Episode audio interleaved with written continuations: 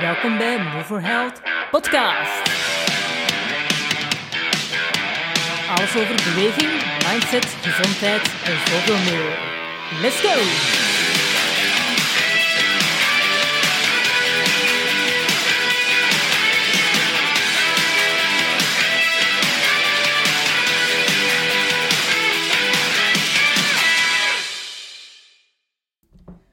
Welkom op onze tweede podcast van 2022.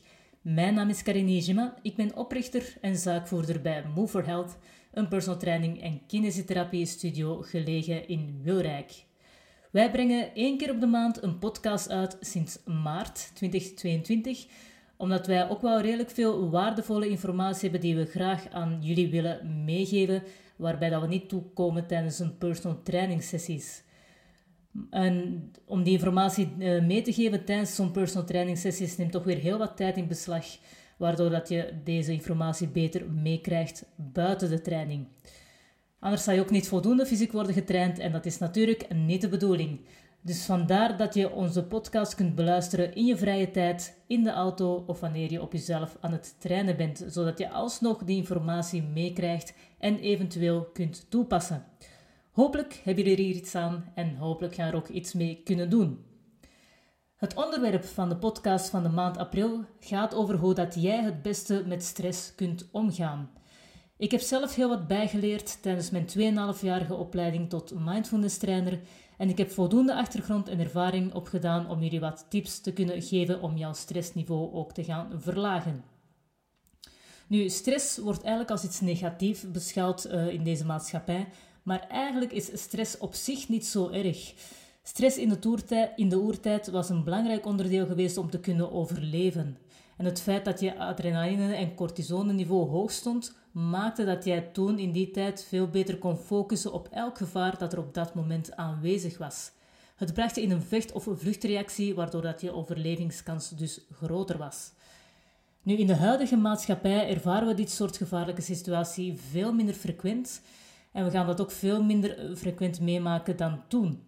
Nu, het probleem van het dagelijks leven nu is dat het cortisoneniveau veel te lang aan een hoge kant blijft, ook al is er fysiek geen gevaar.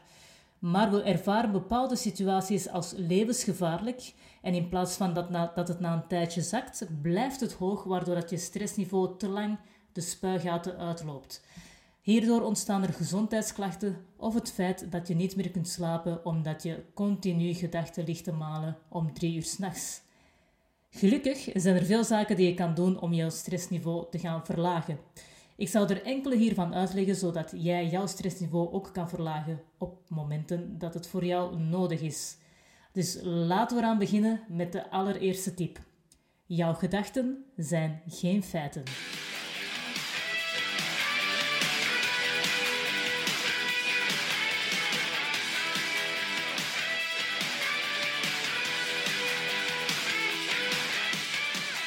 Wij hebben heel veel gedachten op een dag. En wij hebben allemaal gemiddeld 80.000 gedachten per dag, wat heel veel is. En het grootste deel van die gedachten worden keer op keer herhaald. Dus het komt er eigenlijk op neer dat we weinig nieuwe gedachten hebben in, hebben in ons dagelijks leven. De gedachten die je gisteren had, die zal je vandaag ook wel hebben. En de gedachten die je vandaag hebt, diezelfde gedachten zal je morgen waarschijnlijk ook wel hebben. Nu, een van de oorzaken waardoor dat we stress ervaren, is omdat we denken dat onze gedachte de waarheid of de realiteit is. En dit terwijl we niet zeker zijn dat wat we denken ook wel waar is. We beginnen er ons druk in te maken en voordat jij het weet, hebben wij een heel verhaal gemaakt voor onszelf en maken we ons daar nog veel meer druk in. Om nu een voorbeeld te geven. Stel dat ik tegen een collega aan het praten ben over hoe dat mijn weekend was. Op een bepaald moment, terwijl ik aan het vertellen ben, begint hij te fronsen en lijkt zijn aandacht afgedwaald te zijn. En vanaf het moment dat ik zie dat hij aan het fronsen is, zou ik al kunnen denken dat hij mijn verhaal vreemd vindt, of dat hij mijn verhaal stom vindt, of dat hij vindt dat ik niks interessants te vertellen heb, enzovoort, enzovoort. En ik begin op deze manier een heel verhaal te maken voor mezelf. Maar zolang dat ik niet aan hem vraag waarom dat hij frons, zal ik niet kunnen weten wat hij op dat moment effectief denkt. Het kan zijn dat hij op dat moment even afgeleid was met bepaalde gedachten over zijn werk dat hij nog moest doen, of het kan ook zijn dat hij op dat moment zich afvroeg wat hij vanavond ging eten, omdat dat iets is wat hij heel belangrijk vindt, bijvoorbeeld. Of hij wou misschien met een bepaald verhaal van zichzelf inspelen op hetgeen dat ik hem heb verteld, maar dat hij zijn ervaring niet direct meer kon herinneren, waardoor dat hij eventjes begint te fronsen. Om nu een ander voorbeeld te geven. Je hebt een WhatsApp-bericht gestuurd naar een goede vriendin van jou. En je ziet dat zij het heeft gelezen, maar een uur later nog steeds niet heeft geantwoord. Je zou kunnen denken dat ze kwaad is op jou, of je begint je zorgen te maken of je al dan niet iets verkeerd heeft, hebt gedaan of hebt gezegd. En doordat je begint te zoeken wat de mogelijke oorzaak zou kunnen zijn waarom dat ze niet antwoordt, begin je misschien oude koeien uit de gracht te halen en begin je misschien zelfs kwaad te worden op haar. En zo gaan je gedachten een eigen verhaal beginnen te creëren en ervaar je op deze manier steeds meer en meer stress. En dit soort situaties die ervaar je veel vaker dan dat je denkt. Het gaat erom dat je het opmerkt elke keer dat je jouw eigen verhaal begint te maken. En daarom is het ook heel belangrijk om jouw gedachten vanuit een ander perspectief te gaan bekijken. Je kan bijvoorbeeld naar jezelf kijken vanuit een derde persoon, alsof je naar een film aan het kijken bent met jou in de hoofdrol. En je ziet jezelf bezig. En je ziet jezelf druk maken. Maar als je wat afstand neemt van jezelf en jezelf vanuit een derde persoon ziet, zou het kunnen dat jij, jezelf, dat jij eigenlijk begint te beseffen dat jij je druk maakt om niets, omdat je niet weet of jouw gedachte nu de waarheid is of niet. Dus, moest je in bepaalde situaties verzeild raken, zoals de voorbeelden dat ik net heb gegeven, probeer jezelf dan ook te zien vanuit een derde persoon en vertel tegen jezelf dat je niet weet of jouw gedachte nu de waarheid is of niet, uh, zodat, zolang dat je het aan die andere persoon niet hebt gevraagd wat er scheelt. En van hieruit gaan wij over naar tip 2. Leef in het nu.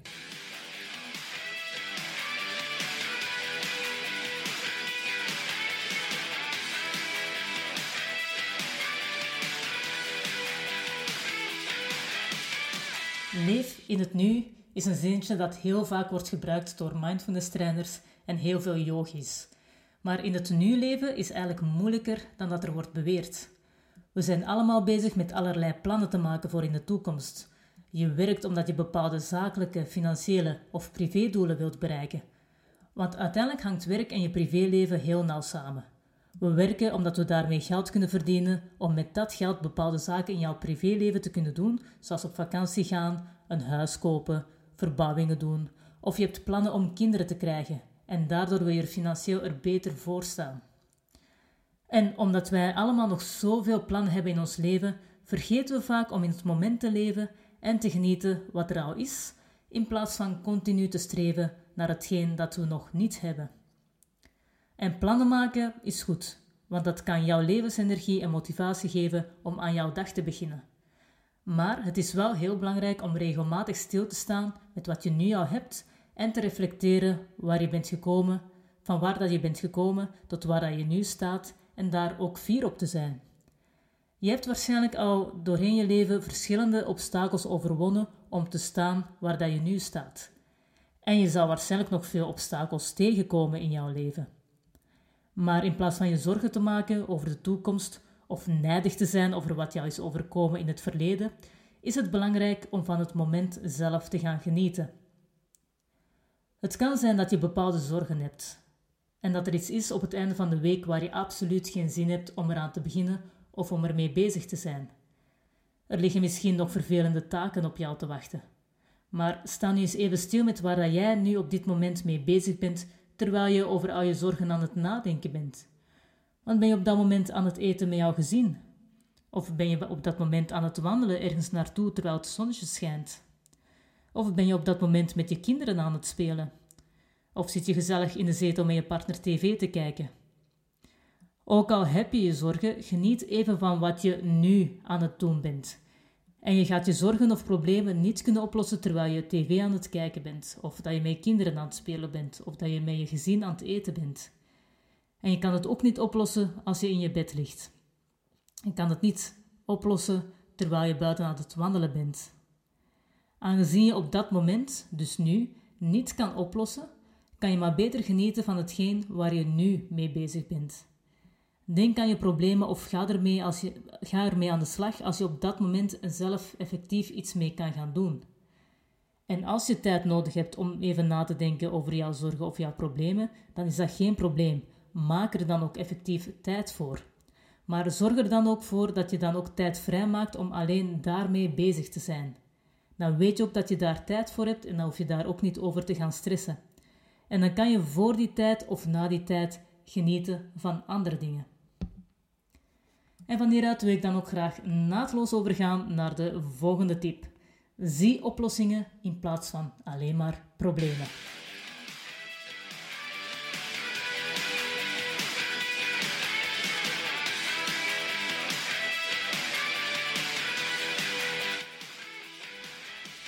Wij hebben allemaal wel problemen, maar de ene lijkt er beter mee om te kunnen gaan dan een ander. En hoe komt dit? Nu, in de eerste plaats had ik zelf eigenlijk niet door dat er twee groepen waren. De ene die alleen maar de problemen zien en de andere groep die sneller oplossingen zien. De eerste groep was mij vrij onbekend totdat ik mijn vriendin leerde kennen. Zij behoort, of misschien moet ik nu in het verleden tijd gaan spreken, behoorde tot de eerste groep. Elke keer dat ze met een bepaald probleem zat, werd ze steeds stiller en leek ze continu in gedachten verzonken. En op dat moment was ze continu over de problemen aan het malen. En op die van, van die momenten dat ze zo stiller werd en dat ze precies aan het staren was, vroeg ik haar wat er scheelde. En als ze mij het probleem voorlegde, dan kwam ik met verschillende oplossingen voor het probleem. Sommige oplossingen die ik voorstelde bleken niet van toepassing te zijn omdat ik nog niet het volledige plaatje kende, maar stap voor stap kwamen we wel tot een oplossing. En ze heeft me al vaak gezegd dat ik meteen oplossingen zie voor het probleem, terwijl zij alleen maar problemen ziet. En voor mij persoonlijk is het een tweede natuur geworden om meteen te zoeken naar oplossingen in plaats van te blijven malen in mijn problemen. Ik heb ook al een en ander meegemaakt in mijn leven, dus door de ervaringen die ik heb gehad, is dit een soort van overlevingsmechanisme geworden voor mij. Maar ik ben ervan overtuigd dat iedereen oplossingsgericht kan denken in plaats van te blijven hangen in gedachten over jouw problemen. Eerst en vooral moet je opmerken wanneer je weer aan het piekeren bent. En die bewustwording doet al heel veel. Als je daarvan bewust bent, kan je het eventjes van jezelf afschrijven, als je dat wilt. Als je je probleem van je hebt kunnen afschrijven, valt er ook eventjes een last van jouw schouders. En daarnaast wordt het voor jezelf heel duidelijk en helder wat het probleem nu juist echt is. Want misschien is er nog iets dieper, dieperliggend, een dieperliggend probleem dat je nog niet hebt opgemerkt toen je erover aan het nadenken was. En als je je problemen van je hebt afgeschreven, dan kan jij je problemen even voor jezelf structureren op papier. En bij elk probleem noteer je dan welke mogelijkheden er zijn om het op te lossen. En dan ben je op dat moment zeer bewust bezig met het zoeken naar een oplossing. En op deze manier schakel je even jouw emoties uit. Want je emoties die zorgen ervoor dat je in een draaikolk belandt waar je nog moeilijk uit geraakt. Je kan voor jezelf hiervoor een bepaald notitieboekje voor aanschaffen. En wie naar mijn vorige podcast heeft geluisterd, zal merken dat ik een groot fan ben van notitieboekjes. Ik neem ze in elk geval overal mee naartoe, ook op reis. Als er dan iets is, kan ik het van mij afschrijven en een oplossing voor vinden als het niet lukt via mijn gedachten. Dus probeer het van jou af te schrijven, probeer jouw emoties even los te laten en heel rationeel en gestructureerd ermee aan de slag te gaan, om op deze manier meer oplossingsgericht te gaan denken in plaats van te blijven hangen in jouw problemen. En hierbij ga ik graag door naar de vierde tip. Zorg dat je me-time inplant in jouw agenda.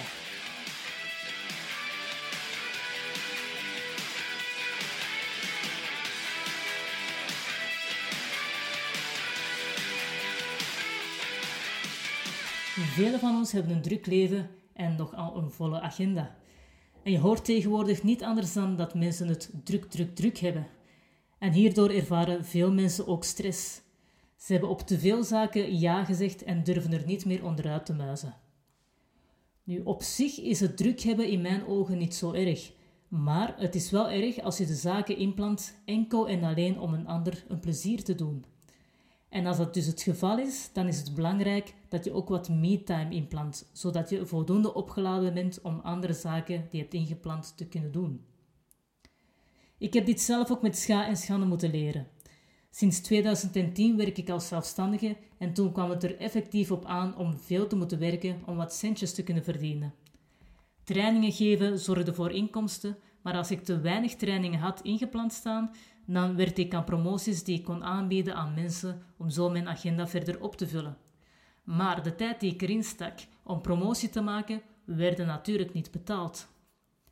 Aangezien dat er brood op de plank moest komen, nam ik zoveel mogelijk opdrachten aan. Ik gaf trainingen aan huis, ik gaf groepslessen in de fitness in Aartselaar, ik gaf groepslessen aan bedrijven zoals SD Works tijdens hun middagpauze. Als er ergens in een andere fitness een vervanging moest voorzien worden voor een bepaalde lesgever, dan stond ik daar ook om zo op deze manier mijn uren te kunnen vullen en ook op deze manier uh, centjes te kunnen verdienen. Dus of het nu avonden, weekenden, feestdagen waren, het maakte mij allemaal niet uit. Ik moest en zou mijn zaak uitbouwen en daarvoor was hard werken en mij zo flexibel mogelijk opstellen en lange dagen maken een vereiste. In 2017 begon ik dan ook met mijn kleine studio en toen was de hek helemaal van dam. Ik werkte toen zeven dagen op zeven en van s morgens half zeven tot s avonds tien uur Uiteraard met wat gaten ertussen waar er geen trainingen stonden ingepland, maar het waren wel telkens lange dagen. Ik nam ook geen vakantie, want niet werken stond gelijk aan geen inkomsten. Daarnaast had ik ook het idee dat ik in het eerste jaar dat ik een eigen studie had, geen vakantie moest nemen om mijn klantenbestand zo, zo snel mogelijk te kunnen uitbreiden, zodat ik mezelf eens een deftig loon zou kunnen geven die ik toen niet had. Nu, de fout die ik toen maakte, en ervoor zorgde dat ik me best wel gestresseerd en, en uh, heel vermoeid voelde, was dat ik niet voldoende tijd vrijmaakte voor mezelf. Ik had geen hobby's, maakte maar om de twee weken of zo tijd voor mijn vrienden en mijn familie. Uh, en mijn familie, sorry, mijn familie zag me één keer per maand of zo. En terwijl ik dan vaak slecht gezind toekwam omdat ik mij moe voelde en liever een dutje ging doen dan bij hen te zijn, ja, dan was het ook niet echt gezellig bij hen. En dat lag dus echt wel aan mij. Maar hoe erg het ook klinkt, het was toen wel zo dat ik liever een dutje ging doen dan dat ik bij hen zat. En tijdens die periode zeiden verschillende klanten ook tegen mij dat ik er moe uitzag. En op dat moment lachte ik dat toen allemaal weg, terwijl ik goed genoeg wist dat ze gelijk hadden. Gelukkig ben ik wel tot inzicht gekomen dat dit ook niet de manier is om voor een lange periode op zo'n manier te blijven leven. Momenteel werk ik nog steeds lange dagen, maar ten opzichte van toen ervaar ik het als een luxe dat ik niet meer tot s'avonds zo laat moet werken, tenzij dat een collega ziek of met vakantie is. Maar dan nog zijn de werkdagen best nog wel pittig. Toch vind ik nu ook wel heel belangrijk dat ik in mijn agenda inplan wanneer ik mijn batterijen kan opladen. Drie dagen van de week begin ik om half zeven s morgens met te werken en eindig ik tegen zes uur s avonds of zeven uur s avonds. Dat zijn dagen waarvan ik weet dat ik geen tijd neem voor mezelf om iets van hobby of wat dan ook te doen, omdat ik weet dat ik na mijn werk weinig fut nog heb om echt actief te zijn. En dan ik liever na het eten ook met mijn vriendin in de zetel en dat is dan quality time voor ons twee. Twee dagen in de week begin ik pas om 9 uur met werken, dus dat betekent dat ik s morgens wel tijd heb om voor me-time te zorgen. Ik sta dan om kwart over zes op, s morgens, om dan om half zeven in mijn sportkleren buiten te staan om dan te kunnen gaan lopen. En tegen zeven uur ben ik dan terug en dan douche ik mij, ontbijt ik en maak ik, maak ik mij klaar om met de fiets naar het werk te gaan. En met de fiets gaan werken is voor mij ook een vorm van me-time. Dan kan ik ook even mijn gedachten laten gaan tijdens een fietstocht. In het weekend ga ik dan ook één keer lopen en als het kan ga ik ook nog squashen met mijn vriendin. Deze sportmomenten zijn voor mij heilig en of ik me nu moe voel of niet, ik ga sowieso sporten. Want ik weet hoeveel deugd het mij doet om even te sporten, om zo ook de stress die ik op dat, moment al dan niet heb, van mij af te zweten. En op deze manier voel ik me beter opgeladen tijdens het werk, kan ik veel helderder denken en ben ik gewoon een betere coach voor mijn klanten. Dus de tijd dat ik anders langer zou kunnen slapen, ruik ik met veel plezier in voor mijn sportmomenten. En ik ben, ook, ben dan ook echt wel bevoorrecht dat ik met een partner samenwoon die het belang hiervan ook heel goed inziet en mij ook laat doen zonder mij hierin tegen te houden. Ze geeft mij voldoende vrijheid om naast mijn werk ook nog af te spreken met mijn vrienden of familie. En daar ben ik haar ook dankbaar voor, want als ze moeilijk zou beginnen doen of mijn werkritme, mijn werkritme niet zou begrijpen, ja, dan zou het mij alleen maar meer stress opleveren. En uiteraard zorg ik er ook wel voor dat ik zoveel mogelijk tijd uh, met haar doorbreng en dat ik die tijd ook effectief uh, heel kwalitatief doorbreng met haar. Waarbij we ofwel uit eten gaan, of dat we een uitstap doen, of dat we een avond samen gezellig doorbrengen, zonder de tv, waarbij dat we gewoon met wat eten en drinken gezellig bij elkaar zijn en veel babbelen. Dus als jij ook zo'n druk leven hebt, is het belangrijk dat ook jij jouw me-time inplant, zodat jij ook aangenamer kunt zijn voor jouw omgeving. Ik heb vanuit mijn ervaring vooral gemerkt dat vrouwen daar meer moeite mee hebben dan mannen. Tijdens de intakegesprekken komt het vaak naar voren dat vrouwen zich schuldig voelen ten opzichte van hun kinderen of hun echtgenoot, dat ze tijd voor zichzelf nemen in plaats van tijd met hen door te brengen. Ik probeer hen dan ook telkens duidelijk te maken dat het helemaal niet egoïstisch is om tijd voor zichzelf te maken. Integendeel, ze zullen juist aangenamer zijn voor hun omgeving. Als je te weinig tijd hebt voor jezelf, ga je slechtgezinder rondlopen omdat je vindt dat je altijd maar voor anderen moet klaarstaan, maar dat niemand precies de moeite neemt om jou te helpen. Of je gaat sneller boos worden op je kinderen, of op je echtgenoot, of jouw partner, of wie dan ook, of op jouw collega's, omdat je gewoon zodanig kort staat, aangezien dat je geen tijd hebt voor ontspanning, om iets te doen waar jij zin in hebt, of waarmee dat jij jouw batterijen kunt opladen. Of je hebt misschien ook helemaal niks om naar uit te kijken, week na week omdat er gewoon geen me-time ingepland staat. In elk geval, als je voldoende me-time inplant voor jezelf, ook al is dat maar drie keer per week een half uur, dan hoef je niet van weekend tot weekend te leven en van vakantie naar vakantie te leven. Dat is zonde van de tijd die hier op aarde doorbrengt, want het leven is al zo kort en het kan op elk moment gedaan zijn. Je kan op deze manier, als je me-time neemt voor jezelf, meer genieten van het leven, van jouw gezin, van jouw familie en vrienden en ook op je werk. Het contact dat je hebt met je collega's of jouw klanten. Dus geloof mij, vanuit mijn eigen ervaring weet ik hoe essentieel het is om ook maar een klein beetje tijd te hebben voor jezelf. Dus zorg ervoor dat jij die momenten voor jezelf inplant in de week, liefst op vast moment in de week, en laat enkel maar bij uitzondering iets tussenkomen waardoor je die tijd niet kunt nemen. Maar dan moet het echt wel heel uitzonderlijk zijn. Bescherm die tijd, die me-time voor jezelf heel goed en neem ze ook. Je zal er alleen maar deugd van hebben.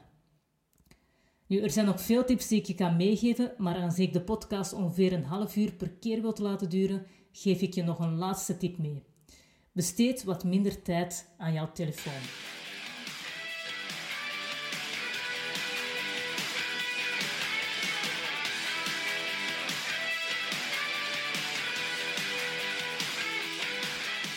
Sinds de opkomst van de smartphone is het straatbeeld wat veranderd.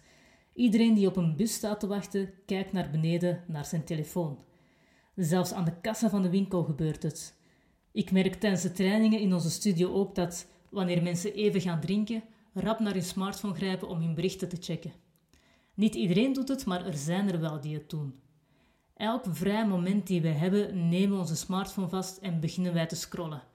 Of we checken onze mail of je zit op weet ik veel welke applicatie op jouw smartphone. Nu, onze hersenen krijgen op een dag op deze manier veel te veel gefragmenteerde informatie mee, waardoor het veel te druk wordt in ons hoofd. Hierdoor ontstaat er ook stress, want je krijgt door je smartphonegebruik een FOMO-gevoel. Nu, de mensen die het niet kennen, dat, uh, FOMO is een afkorting voor de Fear of Missing Out, wat betekent dat ze schrik hebben om ook maar iets te missen dat er gaande is in de wereld of in de wereld van hun vrienden. Daardoor kijken ze tien keer per dag naar de nieuwsapp of op de sociale media. Nu, je zou eens moeten weten hoeveel tijd je op die manier besteedt op een dag. Tegenwoordig laten de smartphones wekelijks je schermtijd zien.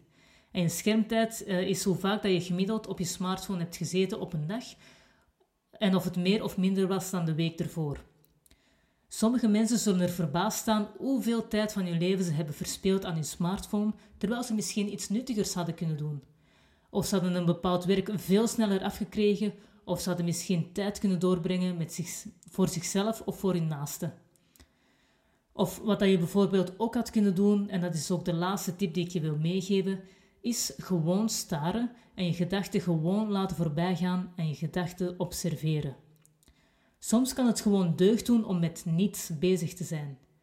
Tegenwoordig vinden veel jongeren dat maar saai, maar ze beseffen niet hoe noodzakelijk het is voor ons om maar gewoon te staren en even niets te doen. Dat zorgt ervoor dat je meer rust ervaart en minder stress. Het doet gewoon deugd om even geen informatie van buitenaf op te pikken en er gewoon te zijn, gewoon aanwezig te zijn. Wij zijn allemaal human doings geworden in plaats van human beings te zijn. De smartphone zorgt er ook voor dat we vaak gaan beginnen multitasken, terwijl multitasken ons stressniveau alleen maar verhoogt en ook ervoor zorgt dat wij minder kwalitatief werk afleveren. En daarom is het heel belangrijk om minder tijd door te brengen op onze smartphone en meer aandacht te hebben voor onze omgeving. Dus zet jouw smartphone op regelmatige basis op slaapstand. En je kan instellen dat je smartphone nog wel afgaat als er iemand belt die zeer belangrijk is voor jou.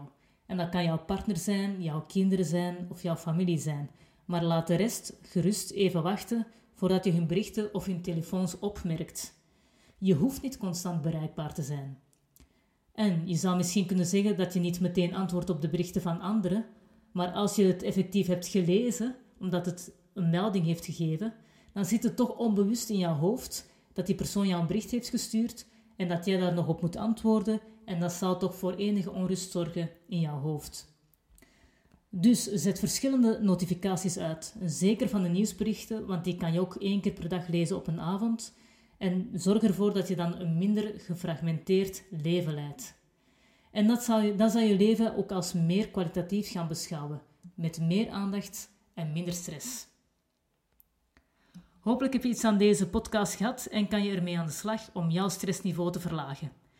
In de podcast van de volgende maand geef ik jou tips mee wat je kan doen zodat jij je niet meer moe en futteloos gaat voelen. Als er nog opmerkingen of vragen zijn over de podcast van deze maand, aarzel dan niet om contact met mij op te nemen via e-mail karin.moveforhealth.be en dan beantwoord ik jouw vragen met heel veel plezier. Vergeet ook niet om onze podcast te volgen, zodat je een melding krijgt als de volgende podcast online staat. Maar je kan ook er wel voor zorgen dat je een notificatie van die podcast afzet, zoals ik dat in een van de tips heb meegegeven. En dat je gewoon op het einde van de maand of aan het begin van de maand even checkt of er een nieuwe podcast online staat. Zo, dit was onze tweede podcast van 2022. Mijn naam is Karin Ijema van Move for Health. En tot de volgende keer op onze nieuwe podcast in mei.